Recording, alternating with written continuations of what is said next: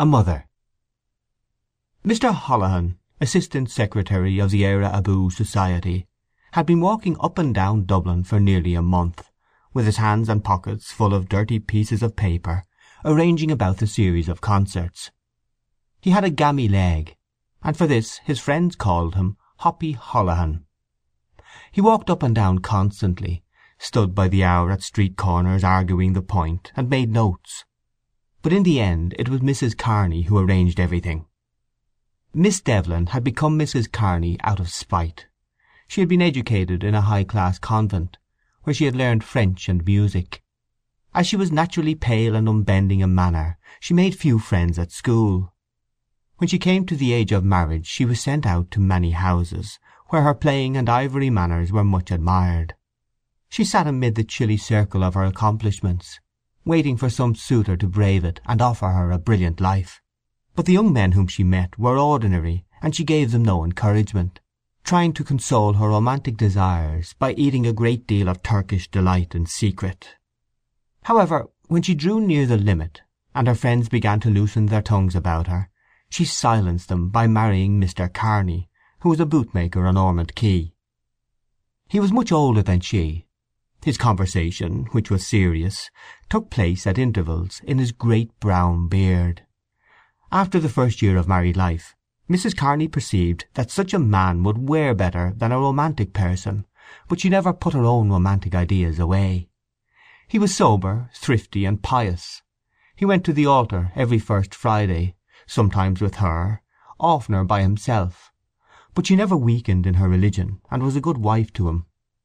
At some party in a strange house, when she lifted her eyebrow ever so slightly, he stood up to take his leave, and when his cough troubled him she put the eiderdown quilt over his feet and made a strong rum punch. For his part he was a model father. By paying a small sum every week into a society he ensured for both his daughters a dowry of one hundred pounds each when they came to the age of twenty-four. He sent the older daughter, Kathleen, to a good convent, where she learned French and music, and afterward paid her fees at the academy. Every year in the month of July Mrs. Kearney found occasion to say to some friend, "My good man is packing us off to Skerries for a few weeks." If it was not Skerries it was Howth or Greystones. When the Irish revival began to be appreciable Mrs. Kearney determined to take advantage of her daughter's name, and brought an Irish teacher to the house. Kathleen and her sister sent Irish picture postcards to their friends, and these friends sent back other Irish picture postcards. On special Sundays, when Mr. Kearney went with his family to the Pro Cathedral, a little crowd of people would assemble after Mass at the corner of Cathedral Street.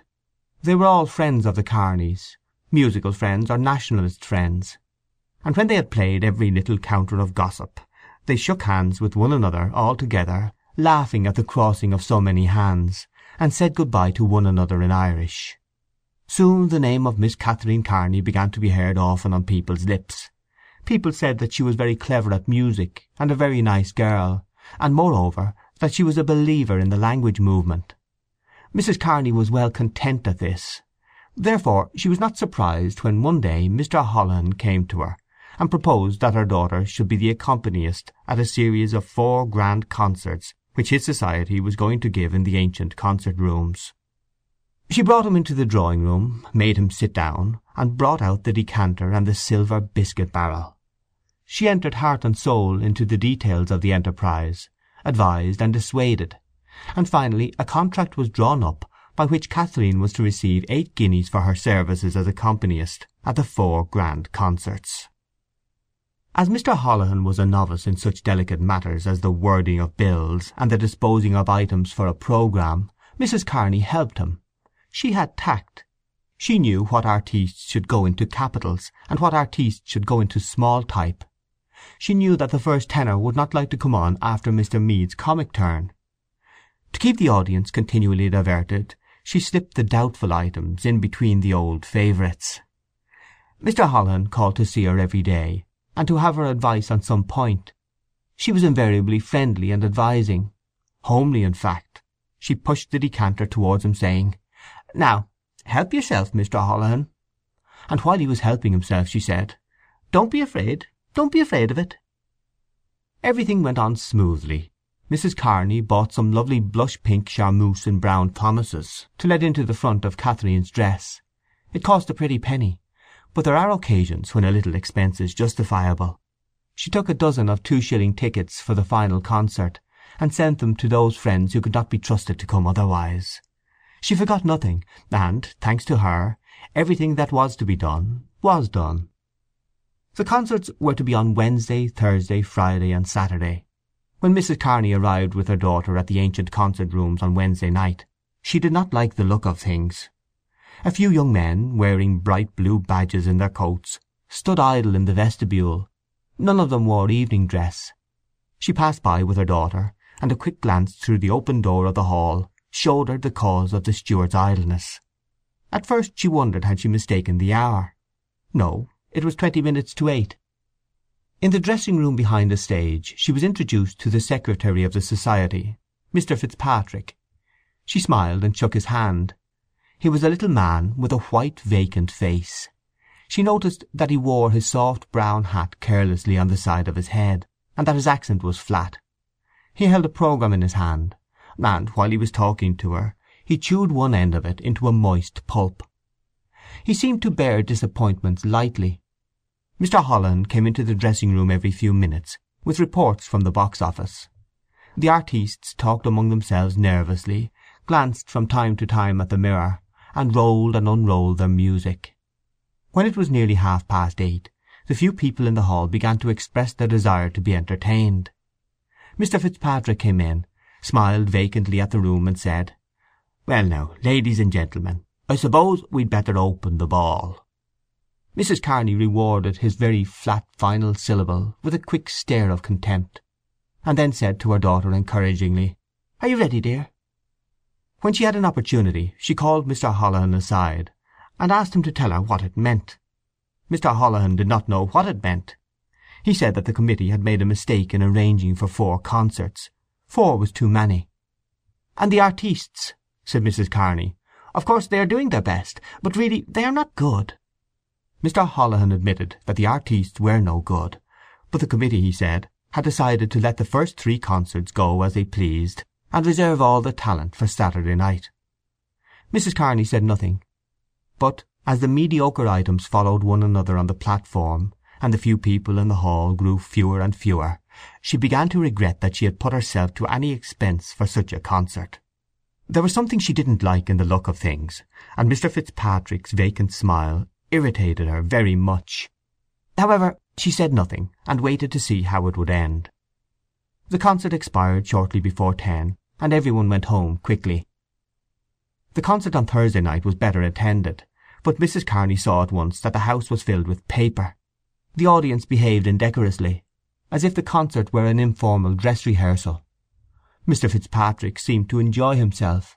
He was quite unconscious that Mrs. Kearney was taking angry note of his conduct. He stood at the edge of the screen, from time to time jutting out his head and exchanging a laugh with two friends in the corner of the balcony. In the course of the evening Mrs. Kearney learned that the Friday concert was to be abandoned, and that the committee was going to move heaven and earth to secure a bumper house on Saturday night. When she heard this she sought out Mr. Holohan. She buttonholed him as he was limping out quickly with a glass of lemonade for a young lady, and asked him was it true. Yes, it was true.